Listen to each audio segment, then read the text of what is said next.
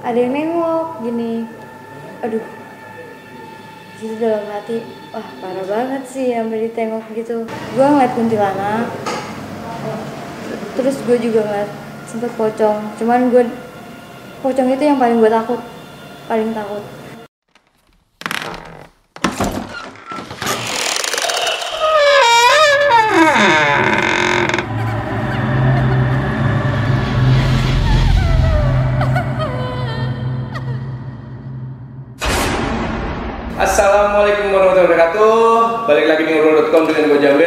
lestari. Nah teman-teman, pada kesempatan kali ini kita udah kedatangan narasumber Resti Apa kabar Resti? baik. Alhamdulillah. Jadi pada malam ini Resti akan coba menceritakan tentang kisah pendakiannya Ke gunung mana Resti? Pangrango. Pangrango. Nah tapi sebelum kita berangkat ke ceritanya Boleh dikenalin dulu Resti Sehari-hari sibuk apa, terus ngapain aja sih? halo semuanya kenalin nama Resti Yusuf sibukan gue lagi ngurus skripsi bang Jadi sehari-hari kuliah ya? iya Nah selain itu ya nggak ada kesibukan lain. nggak ada lagi di skip Nah gitu teman-teman. Kalau boleh tahu nih Resti, kisi-kisinya waktu eh, kisi-kisinya buat cerita lu kali ini apa sih? Eh, untuk hal bisnisnya ya itu gue ngeliat sesuatu gitu bang Oh di Pangrango ini. iya Kalau tahu tahun berapa itu? 2020 deh kayaknya Oh baru baru tahun kemarin ya? iya Hmm, jadi gitu teman-teman Eh, cerita dari Resti tentang pengalamannya ke Gunung Pangrango tahun 2020. Nah sebelum masuk ke ceritanya buat teman-teman di rumah jangan lupa subscribe, like, komen, dan share dan terima kasih juga buat teman-teman saran dan kritiknya untuk ngobrol.com. Semoga ngobrol.com ke depannya makin baik lagi. Tanpa berlama-lama kita langsung dengerin aja cerita dari Resti.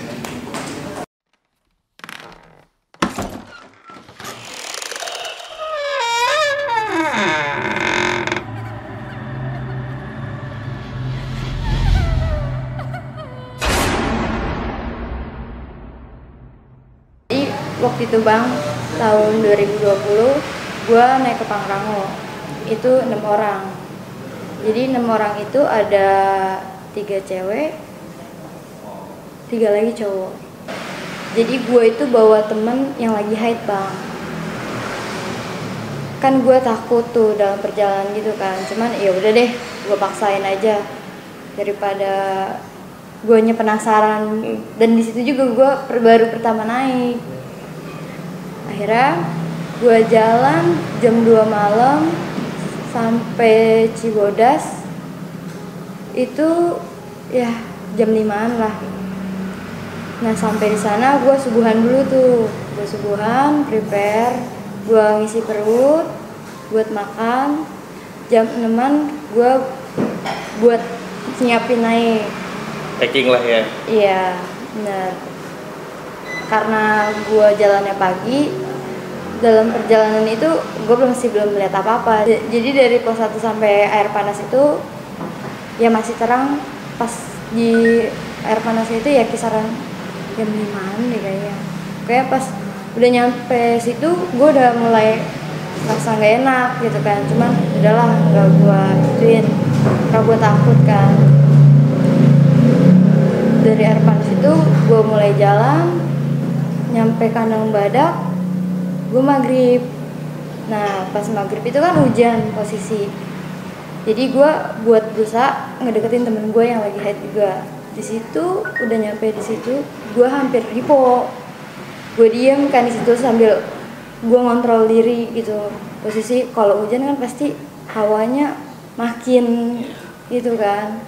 Jadi di situ gue udah diem aja yang lain pada beberes gitu kan. Tadinya kita mau naik lagi cuman udahlah di situ aja. Posisi badan gue juga udah ngedrop temen gue lagi haid gitu kan. Akhirnya setelah hujannya udah agak redaan yang laki pada preparein tenda kan. Di situ gue juga yang cewek-cewek sembari masak.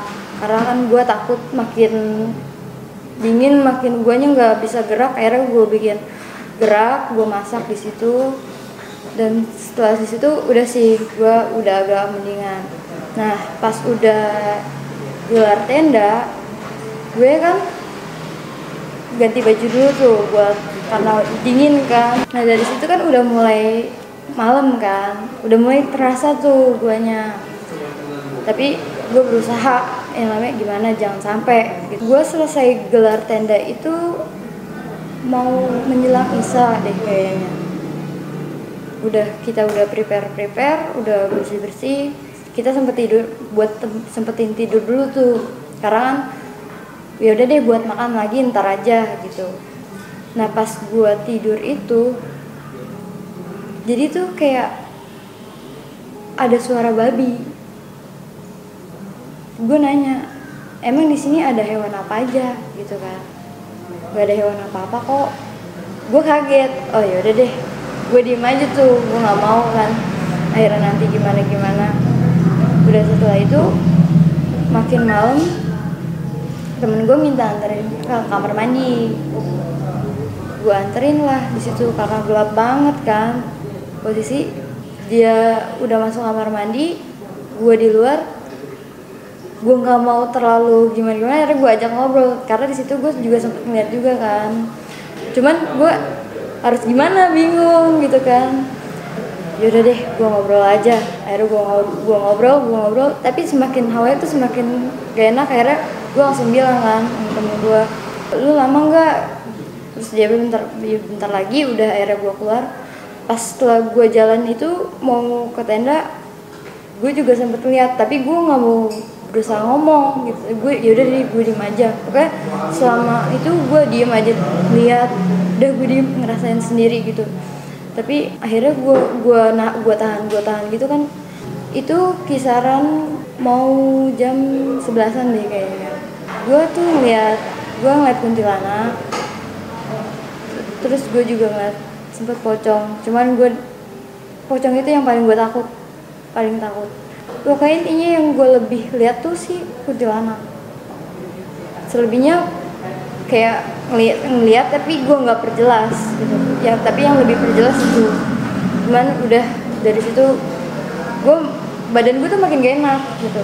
Akhirnya gue sempet bilang kan nanya sama cowok gue gue nanya ada tolak angin gak?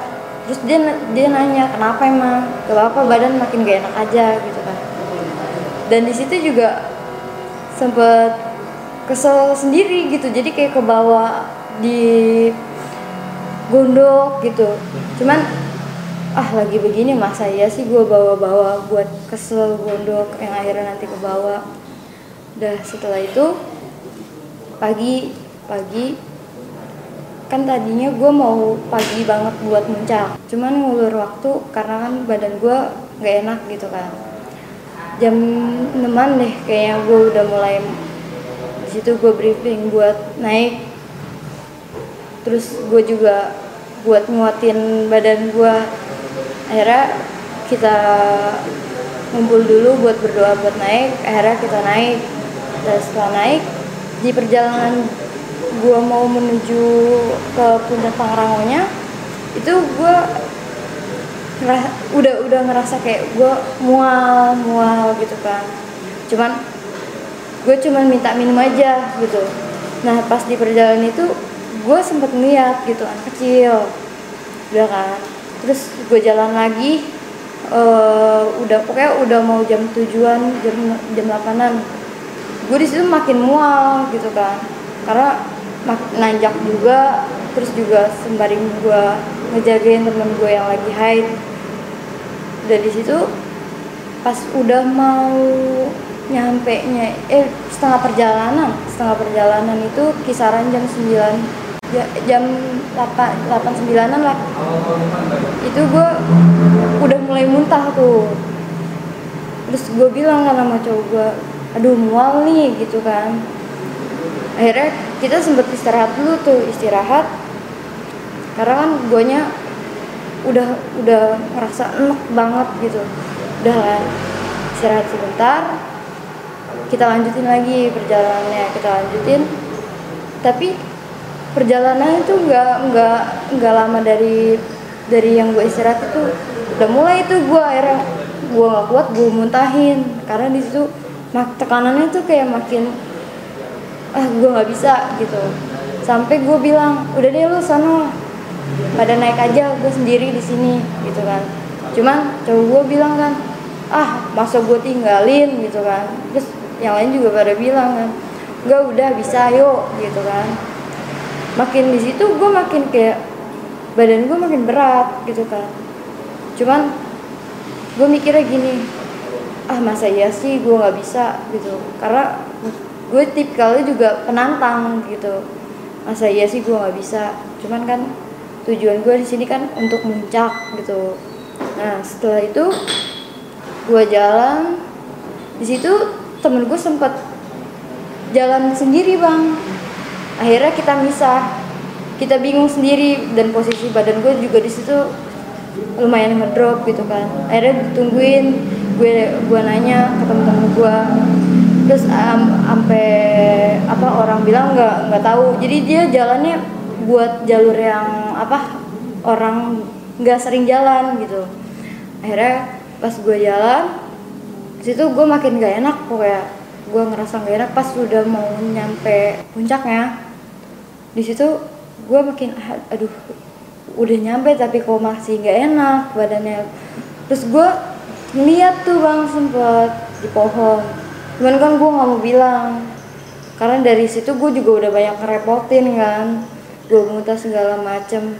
Gue ngeliat dia ngeliatin gue dari gue awal baru sampai sampai ke arah sampai intinya gue jalan ke dikit dia ngeliatin diam aja gitu. Sampai terus habis gitu gue gue nggak mau ngeliatin karena posisi badan gue juga udah gak enak. Udah lah daripada gue kenapa-napa. Jadi itu nenek-nenek mukanya ya lumayan sih pada apa serem gitu. Cuman makanya dari itu gue nggak mau lihat.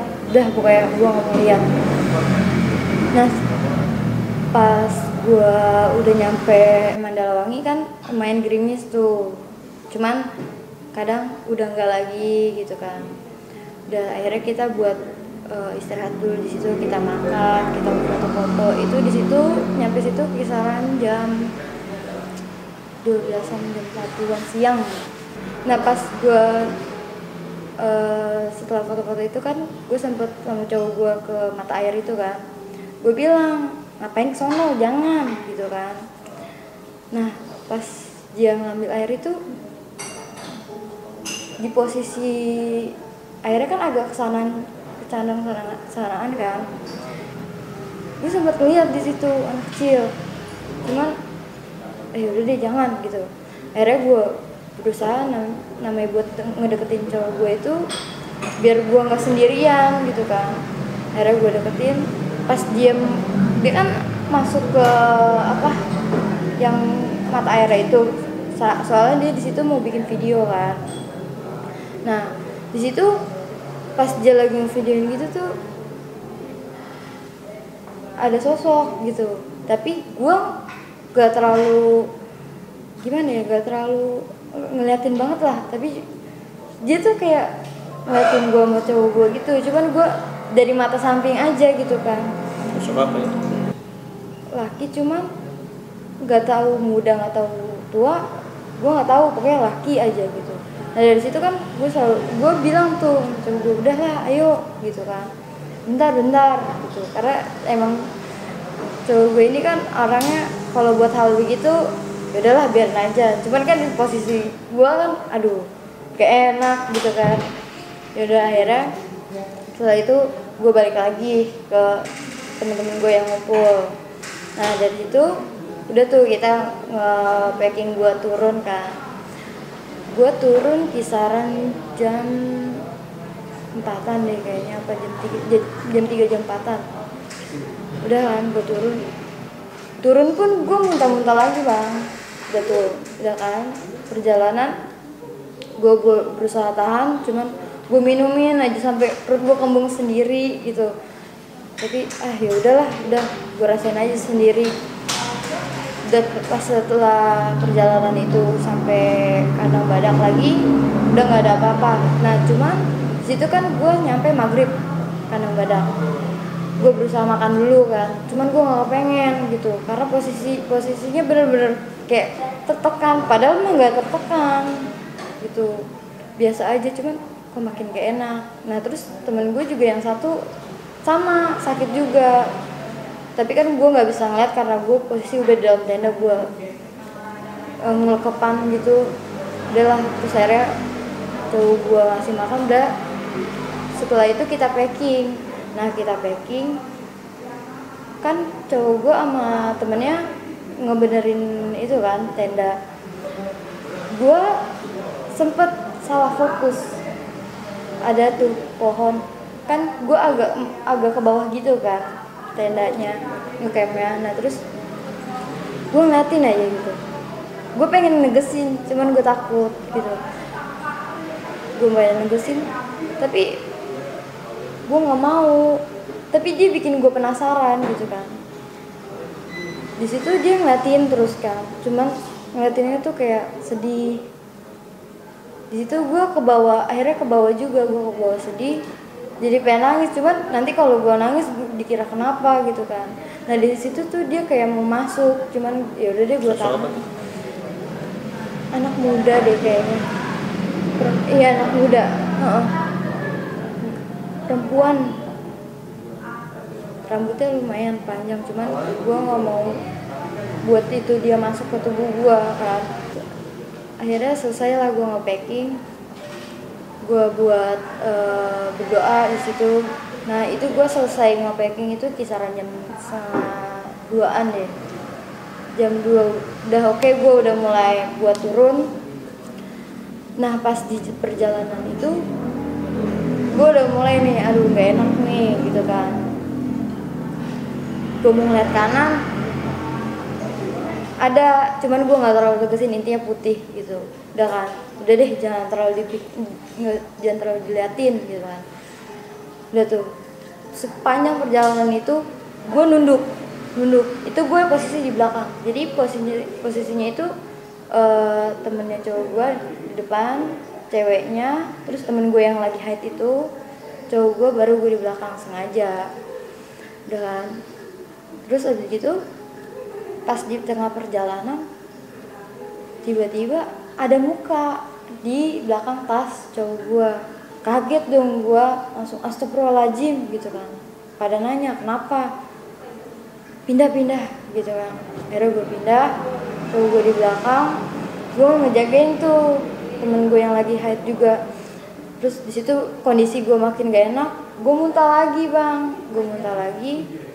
Aduh gimana nih ya? Akhirnya yaudah deh gue kuat gitu kan udah gue gue jalan lagi makin gak enak. Gue sempat ngeliat juga tuh jadi dia duduk bukan duduk sih kayak intinya diem di situ nggak tahu itu pendek intinya kayak macam duduk gitu bang. Gue nggak mau lihat gitu udah tuh. Pas perjalanan lagi gue muntah lagi. Akhirnya gue keluarin semua tuh yang tadi habis gue makan itu.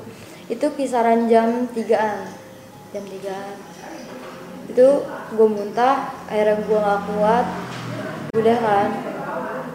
Pas udah tuh gue perjalanan perjalanan. Terus gue uh, apa istirahat lagi. Istirahat. Gue sempet ngeliat dari pas jalan itu kok ada orang. Cuman gue nggak mau ngomong gitu kan. Akhirnya gue itu posisi dia di sebelah di sebelah gua. Cuman gue diem aja. Karena gue takut kan itu di sebelah gitu. Sosok apa tuh? Laki-laki duduknya tuh begini begini aja. Untungnya dia duduknya begitu gitu kan. Gak ngadep ke gua. Akhirnya udah yuk jalan gue bilang. Pas udah mau pos tempat ini gue masih ini kan yang lain udah pada duluan gue jalan pelan-pelan cuman dari jauh gue ngeliat gitu itu apaan gitu kan. Karena posisi posnya tuh kayak begitu tapi madepnya ke sana bukan ke, ke arah jalan gitu kan. Itu apaan gitu kan. Terus udah gitu duduklah tuh temen temen cowok gue di sampingnya. Cuman gue bilang jangan di situ. Cuman gue takut gitu kan jadi akhirnya gue diem aja. Pokoknya intinya gue diem aja gitu. Gak mau yang akhirnya gimana gimana nanti eh, di situ juga temen cowok gue ceweknya sakit gitu kan. Akhirnya tuh kerantas kerantas lumayan lama sih istirahat situ. Nah itu kan udah nyam, udah jam setengah lima jam empat jam setengah limaan lah. Mereka tuh nggak dengar yang denger gue sama temen gue yang lagi mens doang itu padahal keras banget bang. Orang ngorok. Itu awal sih gue bilang astagfirullahaladzim gitu. Terus habis itu gue langsung bilang lu denger nggak? Iya gue denger. Yaudah biarin aja gue bilang kan sama temen gue yang lagi mens itu udah setelah itu pas sampai telaga biru itu kan udah agak lumayan terangan gitu kan. Itu jam 6 lah kali. Apa jam ya jam 6 gue istirahat tuh karena gue duluan. Udah capek banget. Gue sempet tidur tuh sama cowok gue cuman gue bangun duluan. Dia bangunnya belakangan. Di situ jadi di balik yang batu yang di pos itu kan ada batunya tuh. Pos kayak pos. Nah, di, di balik pos itu kan ada yang nengok gini. Aduh. Di situ dalam hati wah parah banget sih sampai ditengok gitu cuman cowok gue lagi ngantuk-ngantuk ya masa ya gue bangunin? Dari situ dia mau masuk cuman eh jangan gitu kan? Jangan. Udah dari situ udah tuh langsung gue bangunin kan karena temen gue datang untungnya. Udah gue bangunin akhirnya gue jalan. Gue jalan. Setelah itu gue nyampe base camp jam tujuan bang. Nah di base camp itu udah gue prepare preparein ganti baju gue bersih bersih istirahat dulu sebentar jam 9an baru gue jalan ke Jakarta begitu bang cerita selama di Pangrango gue Nah, begitu teman-teman cerita dari Resti tentang pengalamannya ke Gunung eh, Pangrango tahun 2020 bersama teman-temannya. Jumlahnya enam orang ya. iya Nah, paling ada yang ingin gue tanya-tanya nih, eh, Resti tentang perjalanan lu. Sebenarnya kalau misalkan ditelisik dari pengalaman lu barusan, sebenarnya kan dari enam orang ini kan sebenarnya hanya satu orang teman lu yang head ya. iya. Eh, ada nggak sih kira-kira eh, yang lu lakukan sampai lu mulu nih yang di, diliatin sama sosok-sosok di sana? Inget gak kira-kira ada ada ngelakuin apa atau emang lu juga nggak tahu? Gue juga nggak tahu karena gue kan nggak ngapa-ngapain di situ gue juga ngontrol diri gue biar supaya nggak kenapa-napa karena kan itu bukan wilayah gue jadi gue nggak bisa ngapa-ngapain. Dengan biasanya gue nggak bisa diem ini gue jadi diem. Tapi emang banyak sosok yang coba ngeliatin sosoknya dan coba mau masuk ke lu gitu. Iya. Kira-kira ada hubungannya gak sih? Kan tadi lu bilang gue nantang nih gitu. Kira-kira ada hubungan sama itu gak Res? Kalau sempat bilang gue kayak nantang nih bang gue harus bisa gitu kira-kira ada sih ada ya Iya, jadi kayak nyambung gitu. kayak ada eh, sombong dikit iya lah kayak gitu gak sih nah gue sempat berpikir oh karena gue begini kali ini Hmm. gitu cuman gue emang tipikalnya begitu jadi ketika mungkin ya balik lagi ya lu harus dapet sebenarnya niat sih ya sebenarnya Iya. bikin gue harus bisa gitu tapi kan eh, mungkin anggapannya jatuhnya kayak sombong atau gimana Nah. gitu kan. Makanya mungkin banyak makhluk yang coba pingin masuk nih ke lu paling gitu. Kalau dari temen lu yang hide itu berdasarkan pengalaman naik sama lu ada nggak sih yang dia rasain juga? Kan nih berdasarkan versi lu nih. Setelah sampai Jakarta apakah ada info apa yang dari teman lu yang hype yang lu rasain itu? Enggak sih paling cuman yang ngorok itu doang yang dia ceritain selebihnya enggak ada. Itu kedengaran banget guys iya itu kan kenceng banget padahal lo bang jadi eh, sempat sekali aja atau beberapa kali res gue itu berkali-kali. Cuman gue bingungnya sepanjang perjalanan lu itu? Iya. dan yang dengar cuma lu sama yang hype itu. iya. Cuman heran aja gitu gue kok bisa yang lain gak dengar tapi sepanjang perjalanan itu berarti cuma lu dan temen lu yang hype itu ya? Iya Dan terus eh, pertanyaan ketiga nih yang gue tanya adalah ketika ada nenek-nenek yang coba eh, menyapa lu di puncak Pangrango yang mau ke puncak Pangrango lu inget kan Iya. nah itu sosok-sosok itu sebenarnya eh, bermunculan kembali nggak sih pas turun Enggak sih. berarti setiap sosok yang eh, ada di dalam perjalanan beda-beda itu Iya beda-beda. semuanya beda-beda Iya. Tapi gue cuma takut aja ke bawah ke rumah gitu. tapi alhamdulillahnya Nggak ada sih, aman. aman. Jadi memang eh, banyak sosok dari yang gua dengar dari cerita lu anak muda, anak kecil, terus nenek-nenek, ya kuntilanak dan teman-temannya gitu. Nah eh, terakhir nih Res, kira-kira eh, ada pesan apa sih yang pingin lu kasih ke teman-teman tentang pengalaman lu naik ke Gunung Parango ini? Yang bisa gue kasih sih eh, intinya jangan neko-neko. Ucapannya dijaga. Kalau emang gak bisa jangan jangan bilang bisa dan lihat gitu. Karena itu kan di gunung itu kayak real gitu. Dengan sendirinya bukan karena wah gini gini ataupun ngada-ngada gitu. Kalau bisa sih itu jangan sampai yang akhirnya nanti yang namanya makhluk halus itu kan dia responnya cepet gitu. Jadi kalau bisa jangan. Nah terus juga kalau ucapan juga dijaga banget gitu bang. Jadi kalau bisa itu aja sih. Nah paling gitu teman-teman cerita dari Resti dan pesan-pesannya paling gue cuma nambahin aja pesan-pesan dari Resti. Ya buat kalian jangan lupa berdoa lah ya. Berdoa tuh penting banget dan kalian harus yakin kalau misalkan kalian tuh masih punya Allah dan Tuhan gitu loh. Iya.